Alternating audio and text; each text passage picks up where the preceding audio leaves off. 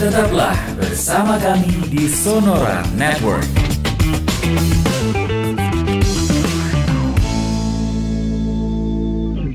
Sahabat Sonora, isu kebocoran data pribadi kembali terjadi di Indonesia dan kali ini data yang diklaim berasal dari 279 juta penduduk di Indonesia dan dijual di situs Surface Web Rate Forum. Guna membahas soal keamanan data pribadi, saat ini kami telah terhubung dengan pakar keamanan cyber sekaligus Kepala Lembaga Riset Cyber Communication and Information System Security Research Center Pratama Persada. Selamat siang Mas Pratama.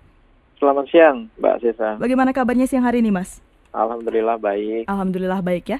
Uh, Mas Pratama ini seiring dengan uh, sering kita dengar juga memang adanya kebocoran data. Sebenarnya kebocoran data ini disebabkan oleh apa sih? Apa sih yang menjadi penyebabnya? Apakah ada keteledoran dari petugasnya atau memang lebih banyak akibat pencurian atau hacker-hacker yang semakin banyak juga nih, Mas Pratama?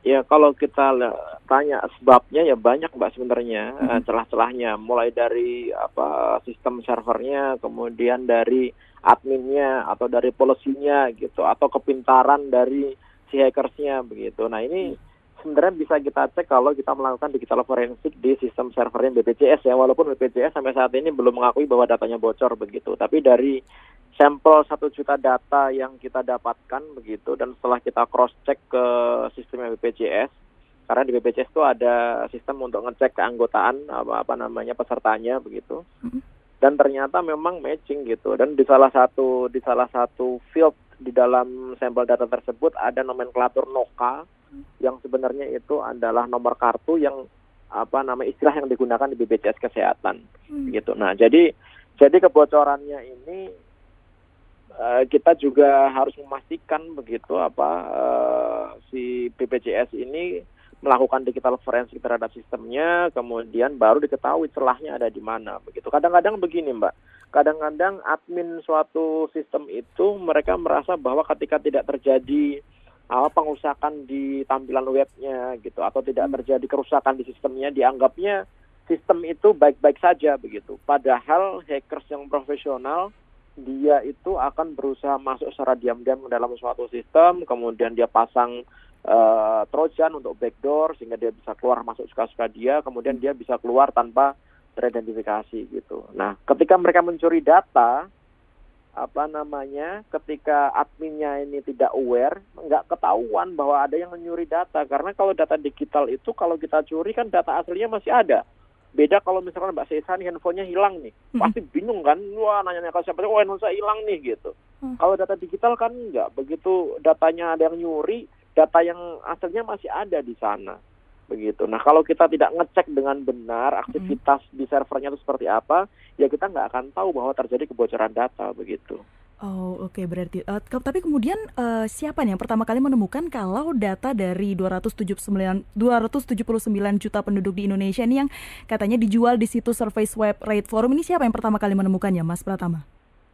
Sebenarnya apa uh, sudah lama ya hmm. apa uh, diperingatkan sebenarnya BPJS kesehatan ini sistemnya agak kurang apa uh, kuat begitu tetapi memang baru uh, kemarin gitu si apa namanya uh, ID codes ini dia mempublis gitu tanggal 20 Mei dia mengklaim mendapatkan 279 juta data gitu dan 20 juta di antaranya dilengkapi dengan foto pribadi. Nah sekarang kan banyak menyaksikan nih, oh jangan-jangan dia bohong itu, hmm. jangan-jangan dia memang cuma punya satu juta data gitu, ya nggak mungkin lah gitu. Kalau dia bisa ngasih satu juta data, artinya dia bisa ngambil sisa datanya yang lain begitu. Hmm. Kalau dia mengklaim 279 juta data, artinya kemungkinan besar gitu hmm. sepertinya dia memang punya data tersebut.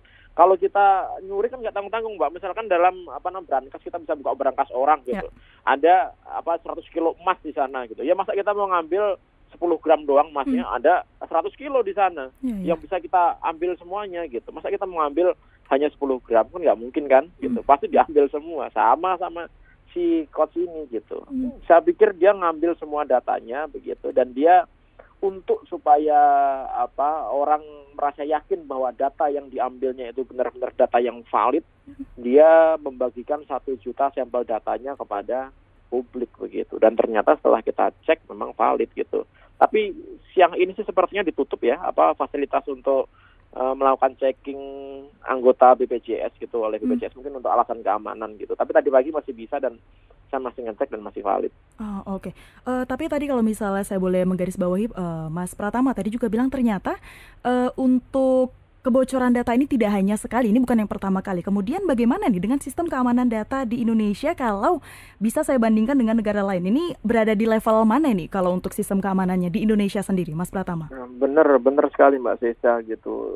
Berkali-kali kita mendengar kebocoran data di Indonesia. Hmm. Kemarin kita dengar Tokopedia, Bukalapak, Bineka, Kejaksaan, kepolisian RI gitu. Hmm. Banyak sekali yang sudah bocor begitu. Nah, kalau dibilang sebenarnya kita ini levelnya di mana sih gitu. Ada namanya Cyber Security Index gitu yang dibuat oleh apa organisasi cyber security di dunia begitu. Hmm.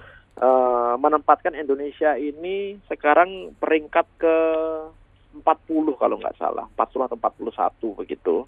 Sehingga kalau dilihat kuat atau nggak kuatnya sebenarnya belum terlalu kuat begitu. Tetapi uh, level 41 itu sudah bisa apa namanya di suatu negara itu uh, membuat sistem perekonomian digital begitu. Biasanya kalau di bawah 70 itu orang nggak akan percaya, orang nggak akan mau investasi di negara-negara yang indeks keamanan cybernya itu di bawah 70 karena pasti nggak aman gitu. Nah 40 ya so-so lah sebenarnya gitu. Nah yang jadi masalah adalah keamanan itu kan bukan produk akhir gitu. Bukan berarti bahwa ketika kita membeli suatu firewall yang mahal, hebat, kuat, kemudian kita beli server yang sudah uh, paling muktahir gitu kemudian sistem operasinya juga yang udah di patch paling baru sekalipun bukan berarti itu cukup enggak bisa jadi saat ini kuat besok bisa jadi nggak kuat sama hmm. kayak kita ke dokter misalnya mbak Sesa nih sakit flu nih hmm. ke dokter gitu kemudian sembuh gitu. Kan tidak ada jaminan besok nggak bisa kena flu lagi. Ya. masih bisa kan? Nah kita harus menjaga supaya kita nggak kena flu gimana? Ya kita tidak hujan-hujanan tidak main sembarangan dan lain-lain. Sama seperti ini gitu.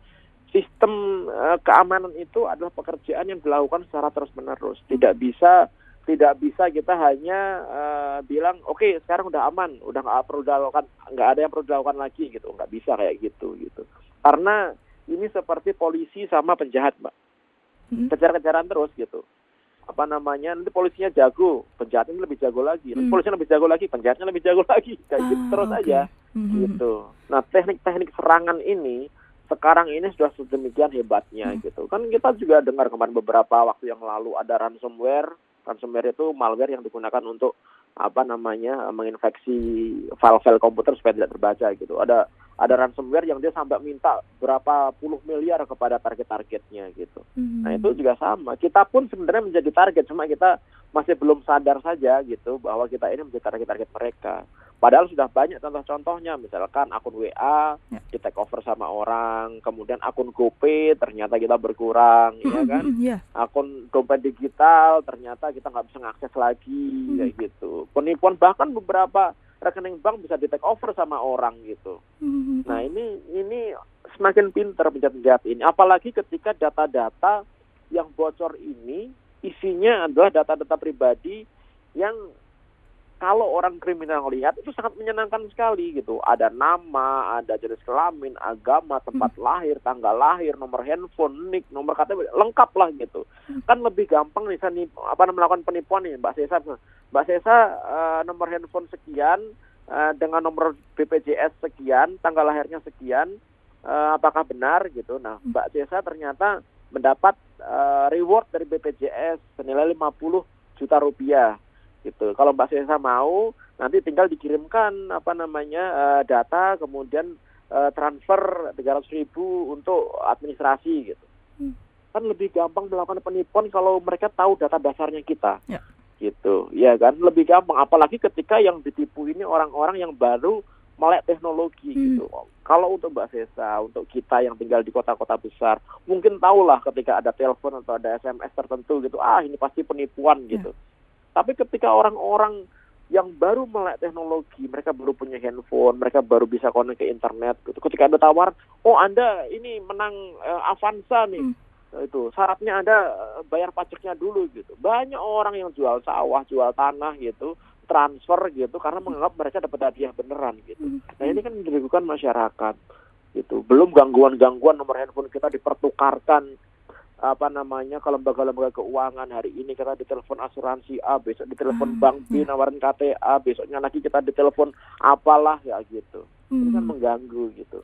Nah masalahnya kita nggak bisa melakukan apa-apa di sini mbak Sesa. Hmm. kalau misalkan eh, kominfo tadi bilang ya kita harus ngamen data pribadi lah kita harus ganti password. Oke fine gitu. Mungkin kita secara pribadi kita bisa mengamankan data kita sendiri ganti password Ya. kemudian bikin password yang aman ya kan Hmm. kemudian eh, tidak klik link sembarangan tidak menggunakan wifi gratisan sembarangan Hmm. gitu tapi kalau kita sudah menyerahkan data kita ini kepada si pemilik eh, layanan elektronik nggak ada yang bisa kita lakukan kalau mereka bocor kita mau bisa ngapain nggak bisa ngapa-ngapain Hmm. orang yang bocorin mereka begitu Hmm. dan sampai saat ini tidak ada sanksi yang bisa menjerat eh, lembaga-lembaga atau perusahaan-perusahaan yang membocorkan data masyarakat Indonesia. Hmm. karena kita belum punya undang-undangnya. Harusnya ada namanya undang-undang perlindungan data pribadi yang bisa melindungi masyarakat. Cuma sampai sekarang kan hanya jadi prolegnas. Hmm. belum belum diundangkan begitu. Akhirnya apa? Akhirnya eh, institusi yang mengalami kebocoran data itu menganggap bahwa mereka juga korban. Ya Hmm. enggak dong. Anda ini sudah mengumpulkan data. Anda ini sudah mengambil data masyarakat Anda sudah mengambil keuntungan dari masyarakat gitu Ya. masa ketika terjadi kebocoran Anda bilang sebagai korban gitu Ya. Anda harusnya sebagai pelaku juga gitu kalau Anda benar-benar mengambilkan data masyarakat nggak akan ada kebocoran ini kan gitu harusnya Mbak Ya. karena masyarakat yang rugi loh ini Ya. nggak nggak bisa ngapa-ngapain loh gitu Hmm, ya hmm. kan kita dibilang jangan sharing data-data sembarangan oke fine kita nggak sharing-sharing data cuma kalau data kita yang kita simpan di tempat Nah. apa pemilik layanan itu bocor Mm-mm. apa yang bisa kita lakukan nggak ada gitu. Oh, oke berarti- akhirnya Hmm. akhirnya kita data-data kita yang akhirnya diperjualbelikan ada di mana-mana gitu mbak. Yang padahal sebenarnya kalau dari kita sendiri ini kita sudah mengamankannya dengan benar tadi seperti Iya, kata Mas kita Pratama mengganti password dengan seperti benar, itu ya. ganti password kita nggak ngobrol data kita sembarangan di medsos gitu. Dan Hmm. kita lakukan gitu. Tapi kalau data kita yang ada disimpan di pemilik layanan itu bocor gitu ya kita nggak bisa ngapa-ngapain gitu. Tapi Dan- mm, rata-rata dari mereka bocornya mbak gitu. Nggak nggak usah Hmm. jauh-jauh lah. Sekarang kalau misalkan browsing di internet gitu saya mau nyari data nasabah bank saya mau beli data nasabah bank. Ada itu. Oke. itu yang jualan gitu. Bahkan di platform e-commerce kita ada yang jualan itu. Dari mulai dia tabungannya berapa ratus juta berapa miliar level-levelnya ada. Mereka punya keanggotaan di golf mana gitu. Mm, itu dijual data-data itu gitu. Itu kan miris. Sampai data ibu kandung data Ya. nomor rekening itu kan ini sudah keterlaluan sepertinya itu dan ini harus ditertibkan gitu Oh, oke. Eh, kalau tadi dari Mas Pratama menyebutkan eh, salah satu yang dapat kita lakukan adalah dengan mengganti password, kemudian juga tidak klik link sembarangan ini ya, karena ternyata Iya. ini eh, berakibat data-data pribadi kita akan diambil oleh hacker kita sebutnya seperti itu dan juga mungkin hal lain yang, yang bisa kita lakukan adalah tidak menggunakan wifi gratis secara sembarangan seperti itu ya Mas Pratama. Nah, apakah ada cara lain yang dari kita dulu nih, dari kita dulu sebelum kita eh, beralih ke penyedia ke yang menyimpan data-data kita lainnya itu apalagi yang perlu kita lakukan sih Mas Pratama? Oh ya, kalau dari kita ya standar lah ya. Kita bukan password harus yang aman lah. Password itu minimal 8 karakter, ada huruf besar, huruf kecil, ada karakter-karakter simbol dan lain-lain begitu. Jangan bikin apa password pakai tanggal lahir, tanggal lahir pacar, tanggal lahir selingkuhan Mm, mm, mm, gitu.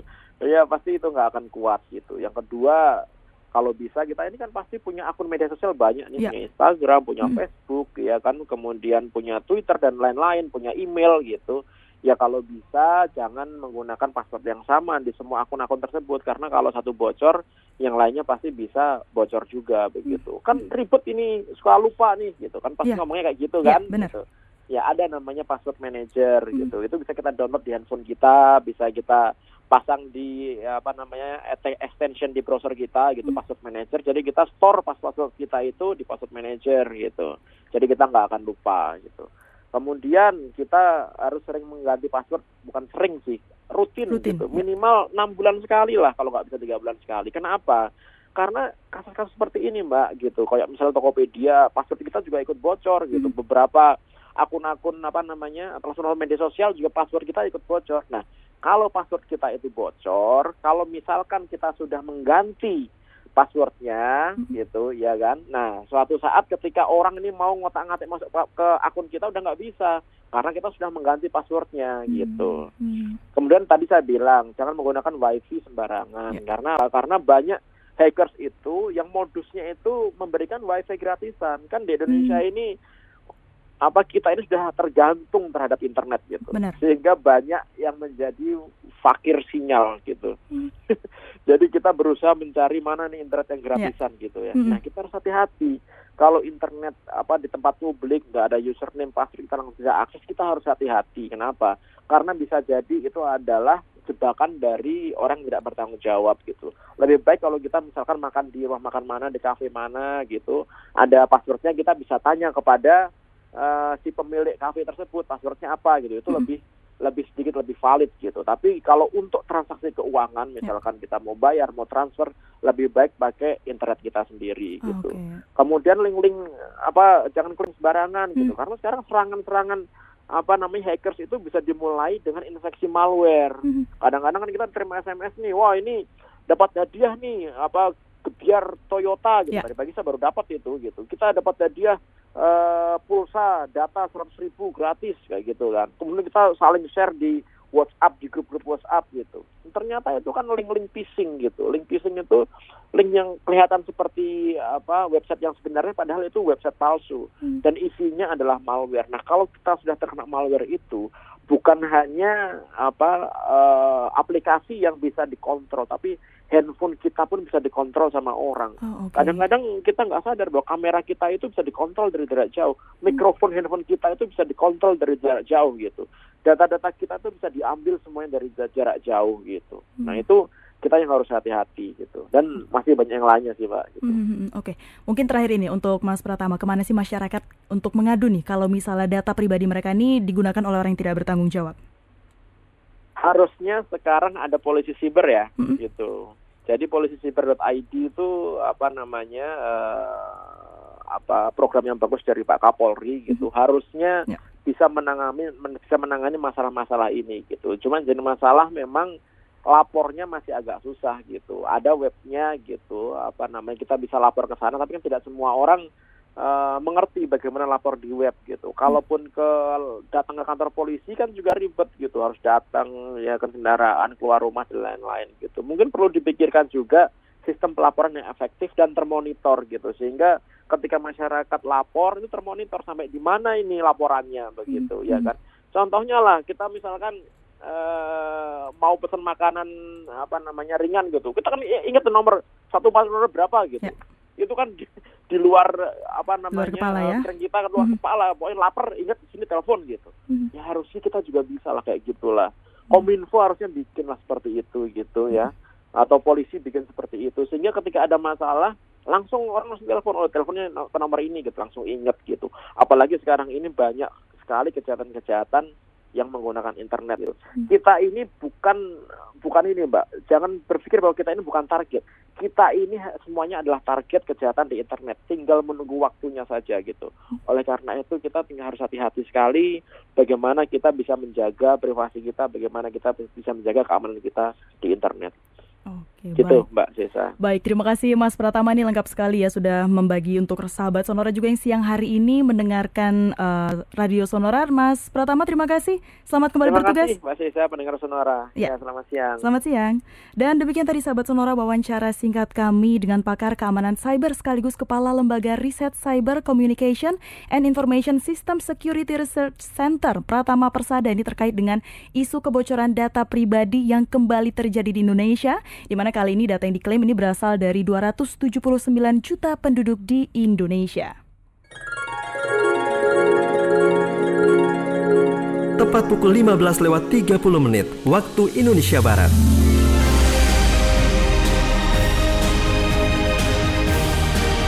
Jangan takut berjalan lambat.